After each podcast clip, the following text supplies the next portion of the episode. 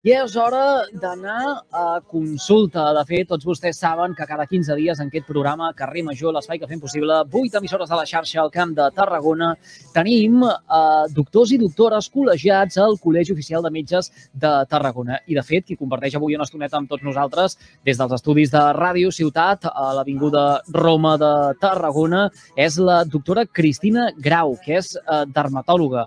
Doctora Grau, molt bona tarda i benvinguda al programa. Com està? Molt bé, bona tarda i gràcies per invitar-me.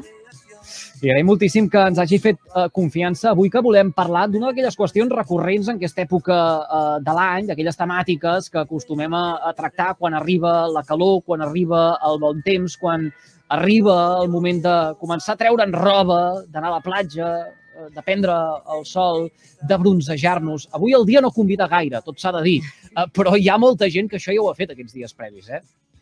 Doncs sí, aquí la cultura de la platja i el bronzejat pues, està bastant important i bastant implementada al nostre país. I què en pensa una dermatòloga que eh, la cultura del bronzejat estigui implementada i que hi hagi tantíssima gent que la persegueixi? Doncs que s'ha de fer molta feina, s'ha de picar molta pedra, el sol té molts efectes beneficiosos eh, per, la, bueno, per la salut en general, ho sabem, però també té molts efectes perjudicials. I aquí tindríem que arribar bé a la població, als eh, metges i en aquest cas doncs, els dermatòlegs potser tenim una feina important amb explicar bé quins són els efectes perjudicials i com evitar-los perquè tant són a curt plaç com a llarg plaç. Majoritàriament, la gent segueix les indicacions que prescriuen els especialistes com vostè? Bé, aquí sí que veiem una tendència a que ens facin cada vegada més cas. Uh, fa molts anys que uh, amb les xarxes socials, la televisió, uh, s'està implementant i explicant bé, i de part dels professionals també, uh, tota aquesta cultura del sol i la perjudicialitat que, que això produeix. I sí que estem veient que la població cada vegada és més conscient potser hi ha eh, determinats col·lectius, el jovent, que és una miqueta més difícil d'arribar, però en general jo sí que diria que la població cada vegada pren més consciència del tema.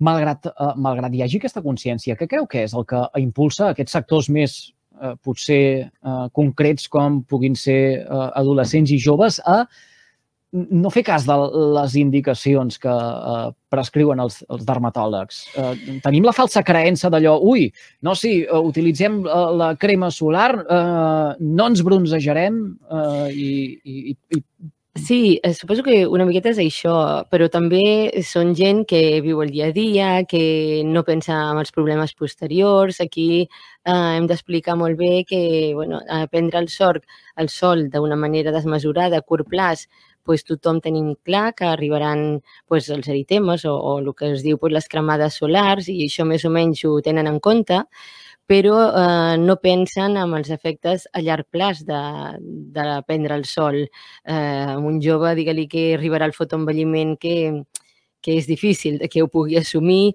o que en un futur encara és pitjor, arribaran les lesions precanceroses o, o inclús el càncer de pell, jo crec que ho veuen molt lluny.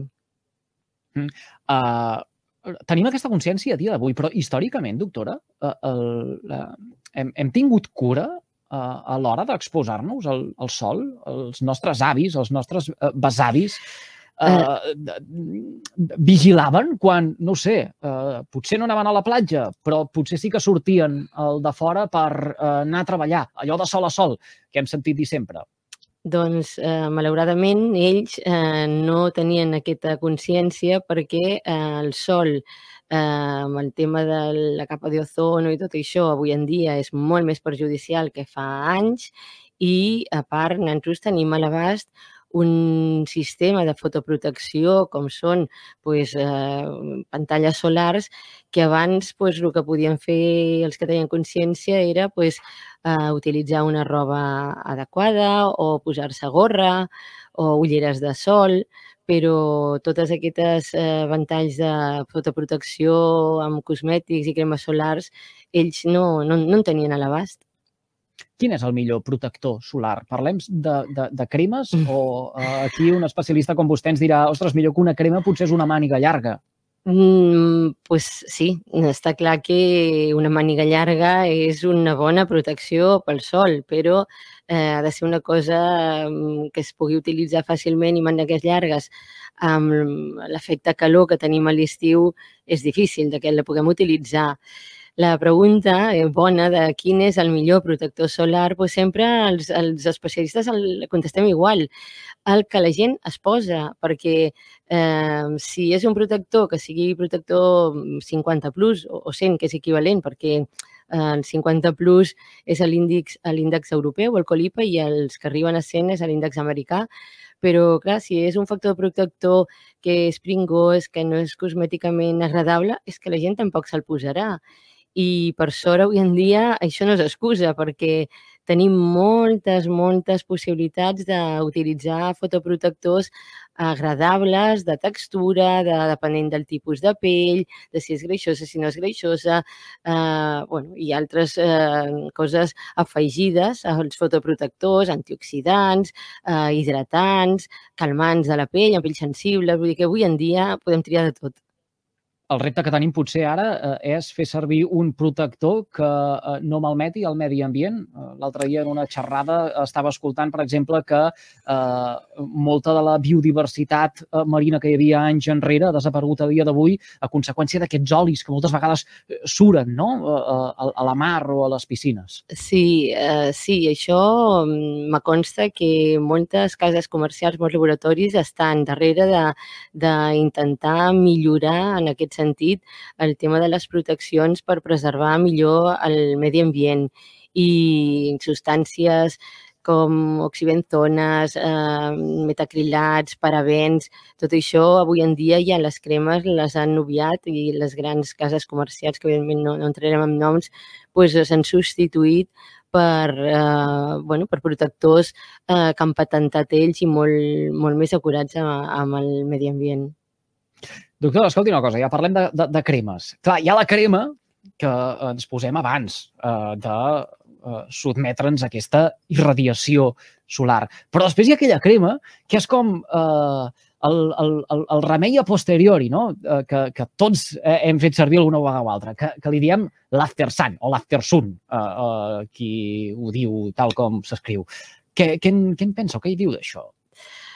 A veure, un After Sun és eh, una crema hidratant que pugui tindre eh, de valor afegit a les seves substàncies pues, eh, antioxidants o eh, bueno, substàncies per intentar ja eh, eh, revertir el dany que ha produït aquesta pell eh, arribem una miqueta tard, ja està bé que la posin, però clar, hem d'incidir en que eh, no hem d'arribar, en que eh, sentit una, un after sun com a hidratant està molt correcte, però moltes vegades quan arribem tard i el que ens ha produït el sol a nivell immediat és una eritema, una cremada solar, ja eh, no ens serveix l'after sun, ja tenim que prescriure un medicament com pugui ser antiinflamatoris, com, com pugui ser eh, corticoids i arribem tard.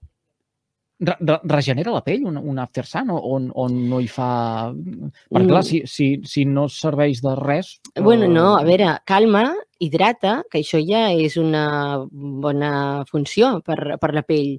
Eh, I si a sobre tenen alguna valor afegit que intenten eh, treure els radicals lliures, les eh, espècies reactives d'oxigen, tot això que són tòxics per la nostra pell, que han produït la radiació solar, pues, millora està bé, però tot això ja s'ha produït el dany, ja, ja l'ha produït a la pell i hem de vigilar molt amb el tema de la radiació ultraviolada i més avui en dia. En, en cas de uh, cremada, mm, allò que fins i tot s'arriben a veure tirants marcats perfectament uh, a, a la pell uh, i, i, i aquella vermellor pràcticament com si fossin gambes. Què s'ha de fer en, en, en aquests casos, doctora? Mm, bé, calmar la pell, llavors amb, amb productes eh, hidratants, com has dit, amb, amb productes de cortisona, perquè podem trobar cremades de, de graus importants, amb, amb ampolles, amb butllofes, i tot això necessitem antiinflamària, o sigui, un, una substància antiinflamatòria i també calmar-la amb, amb pomades que siguin molt eh, fresques. Però et dic, el, mm. el, dany, el dany a nivell eh, de la cèl·lula aquí ja s'ha produït I, de fet, el, és que el bronzejat no hem d'oblidar que és un mecanisme de defensa de la nostra pell. O sigui, quan nosaltres anem a la platja i ens anem posant marrons, anem eh, a nivell estructural de la pell, el que es fa és formar melanina, eh, que aquesta melanina, tothom ja sap que la formen els melanòcits, se transfereixen als queratinòcits, que són les mm, cèl·lules que tenen més grans, eh, més quantitat a la, a la nostra pell, per previndre-ho i es posa la melanina a mode de paraigües per intentar que el, que el queratinòcit no es, no es danyi amb, el, amb, amb la radiació solar. O sigui, el bronzejat, que des de fora es veu molt bonic, és, és un, un, bueno, un dany que s'està produint dintre de la nostra pell i que està intentant eh, pues, previndre's des de punt intern estructural. Doctora, li faig una última pregunta en relació a, a aquests ungüents, eh? Uh, i ara uh, tractarem d'altres uh, qüestions. Què en pensa d'aquests olis que, que deixa la persona qui se'l posa tota lluenta uh, i, i, i, i relliscosa, que afavoreixen precisament aquest uh, bronzejat? No et refereixes als autobronzejats, eh, per lo que me dius? O sigui, Ostres, ha... ara, ara, ara què, què és un no. autobronzejat? Bueno, un autobronzejat són unes substàncies que sense necessitat de prendre el sol fan com una mm, pel·lícula, com una pintura a la pell. Són substàncies que tenen uns, uns, uns sucres eh, com hidroxiacetones o eritruloses, són sucres que al contactar amb la nostra pell, amb, la, amb les capes superficials de la nostra pell, la tinten una miqueta. I això, bueno, més per les persones que volen estar bronzejades, però no volen exposar-se a la radiació solar danyina. Eh, cada vegada s'utilitzen més. Eh, sí que és veritat que eh, és un bronzejat una miqueta més artificial, però aquests en principi no causen cap problema. Tu estaves... I els altres? Aquest, i, i, I aquests altres? Sí, jo feia referència a, a, a això, eh? aquests a, olis que ens embadornem eh, i que eh, acte seguit el que fem és això, estirar-nos en, en una gandula. Bueno, aquests olis eh, no deixen de ser de cremes protectores solars. Protegeixen, eh? Sí, sí, les, les, però, però han de portar un número de protecció número 50, número 30, les cremes protectores poden veure's amb spray, en forma d'oli, en forma de llet, en forma de, de, de crema, que és més untuosa, però sí, sí, mentre portin el número eh, autoritzat per, per la comunitat europea, eh, han de protegir. Què vol dir aquest número? Uh, ara que, ara que l'ha tret, sí. perquè aquí hi ha, hi ha una mica de sí. gent urbana, no? Que, sí. Uh, ui, els, a veure, a veure... Per, per, per minuts o per hores o a és veure, el... Uh... Ho explicarem d'una manera una miqueta clara, intentarem-ho. Uh, uh, si aquest número, per exemple, un índex de protecció 50, que és així el més freqüent, el més típic, o 50 plus, que en teoria és la protecció màxima, no vol dir que em protegeix uh, un 50% més Vale? D'entrada, tenim que tindre clar que no vol dir això. Què vol dir? El que vol dir és que ens protegeix tantes vegades més temps que si no el portéssim. I posem un exemple perquè s'entengui més fàcil. Per exemple, eh, si jo tinc un tipus de pell que eh, me poso vermella o me poso eritema, vermelló, en 10 minuts sense posar-me cap tipus de crema protectora. Jo, la meva dosi eritematosa mínima, que es diu eritematògena mínima, són de 10 minuts. Si jo em compro un protector 30, per exemple, resulta que trigaré 30 vegades més aquests 10 minuts de posar-me vermella, o sigui, 10 per 30, 300 minuts. Però això és molt, molt teòric també, perquè eh, aquests índexs estan eh, trets eh, amb unes condicions ideals de laboratori que no són les reals de la pràctica clínica diària. Per això moltes vegades diem, bé, el fotoprotector, si pot ser el de 50 i eh, posar-lo el màxim temps possible. Mm. No sé si entès, eh? S'ha entès, s'ha entès. Uh, per, per tant, la, la, crema, uh, la, la crema solar que alguns podrien dir jo no me la poso perquè aquella és massa forta o, uh, i jo em vull bronzejar, va totalment equivocat. Sí, um... sí, perquè eh, la protecció és, normalment són, eh, s'han de posar dos grams per centímetre quadrat cada dues hores. Això pràcticament no fa ningú. Per què? Perquè te la poses, corrents, corrents a la platja, cosa que es tenia que posar a casa, ben posada, vas a la platja, t'asseques amb la tovallola, te banyes, per molt que diguin waterproof, water resistant, la, la sorra te rasques, o sigui que l'ideal és posar-te-la bastant sovint i protecció 50 per evitar tots mm. els problemes posteriors de, del sol.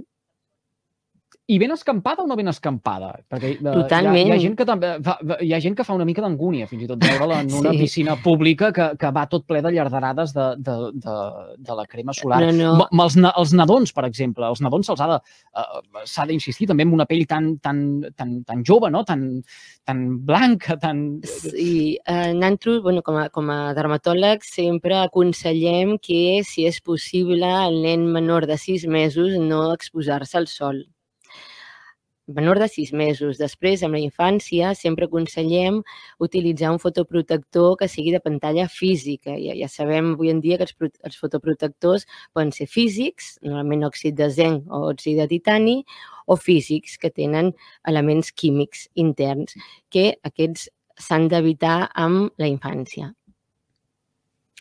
Per tant, eh, eh, molta cura també doncs, en, eh, D'una banda això, eh? Nadons i, i, i, i la canalla, en edats tan petites. Uh, doncs... És més, cada vegada, no sé si, si vostè ho ha vist, cada vegada es, uh, es veuen més infants no? amb uh, aquestes samarretes de neoprè en, sí? uh, en piscines o espais públics on uh, realment toca el bat de sol. I sí, fan molt bé, perquè ja he dit al principi, em sembla que la primera frase és que una bona màniga és una bona fotoprotecció i sí que és veritat que hi ha a sobre de, de, de, de la gent, de la població general, hi ha unes persones molt més vulnerables en aquests problemes solars, com són les persones que tenen malalties relacionades amb el sol, com poden ser les persones eh, immunosuprimides per, per moltes causes, transplantats o tractaments immunosuprimits, o com pot ser el que heu dit bé ara, ara és, són els infants i els adolescents, perquè eh, sí que les estadístiques són molt clares en aquest sentit i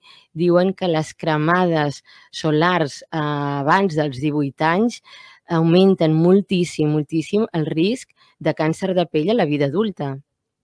Expliqui'ns això, a veure, quina relació hi ha entre una cremada que eh, pugui tindre un eh, jove de 20 anys en aquell càncer eh, que es pot desenvolupar, doncs, al cap de, de, de 50. Uh, segurament que qui més qui menys haurà sentit aquella expressió, no?, de la pell té memòria. Què significa això? Doncs sí, és cert, la pell té memòria. Nosaltres, amb la radiació ultraviolada, eh, sabem que amb el temps, o sigui, tenim la, els efectes immediats, que ja ho hem explicat fins ara, que són les cremades solars i fotoprotectors i tot això que hem dit fins ara, però després mm -hmm. tenim els efectes a llarg plaç. Els efectes a llarg plaç, què vol dir? Que la radiació solar i, i sobretot en aquest cas mm, la UVB, però també una miqueta la UVA, la UVA el que fa és alterar el material genètic de les cèl·lules de la pell, en concret els queratinòcits, i eh, per sort al llarg de la vida tenim mecanismes d'autoregulació eh, d'aquesta alteració. O sigui, eh, bueno, la pell ens va anant regenerant, regenerant i curant aquestes alteracions genètiques, aquestes mutacions que les radiacions solars produeixen a nivell de la pell però sí que és veritat que arriba un moment, potser no a la primera cremada ni a la segona, però si hi ha cremades repetides durant la infància, que aquesta mm, solució d'aquestes alteracions de les mutacions, doncs eh, no, no, no en tenim prou, o sigui, acabem perdent-les, eh, ja, ja se'ns ha acabat aquesta autorregulació de la curació, amb la qual comencen a haver alteracions que nosaltres, com a dermatòlegs, els diem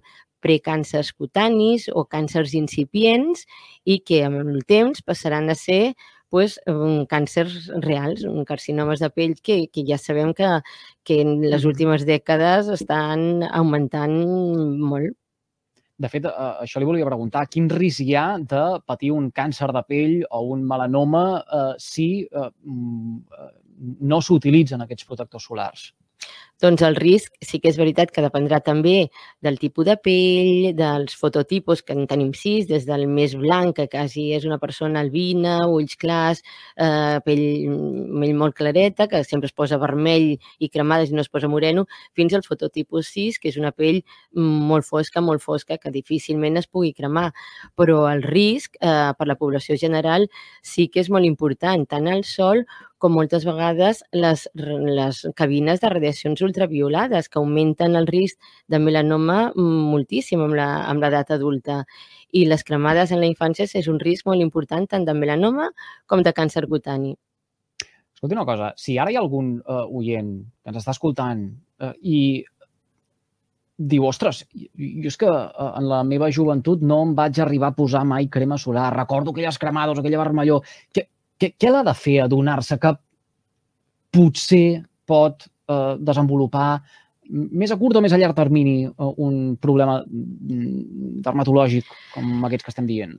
D'entrada, fer una miqueta autoexploració. Si ell veu que té alguna lesió eh, que li sagna, que és estranya, que no la tenia abans, sospitosa, que li ha canviat de color, de forma, doncs eh, anar al metge capçalera a veure què diu, on, al dermatòleg directament, i eh, posar-la a, a, bueno, a una visita i llavors ja es veurà si mm, és del tipus benigne que no s'ha de controlar o no s'ha de fer res o del tipus premaligne o que s'ha de controlar, s'ha de fer un seguiment o simplement ja s'ha de fer una extirpació i un anàlisi amb, amb anatomia patològica per veure el resultat.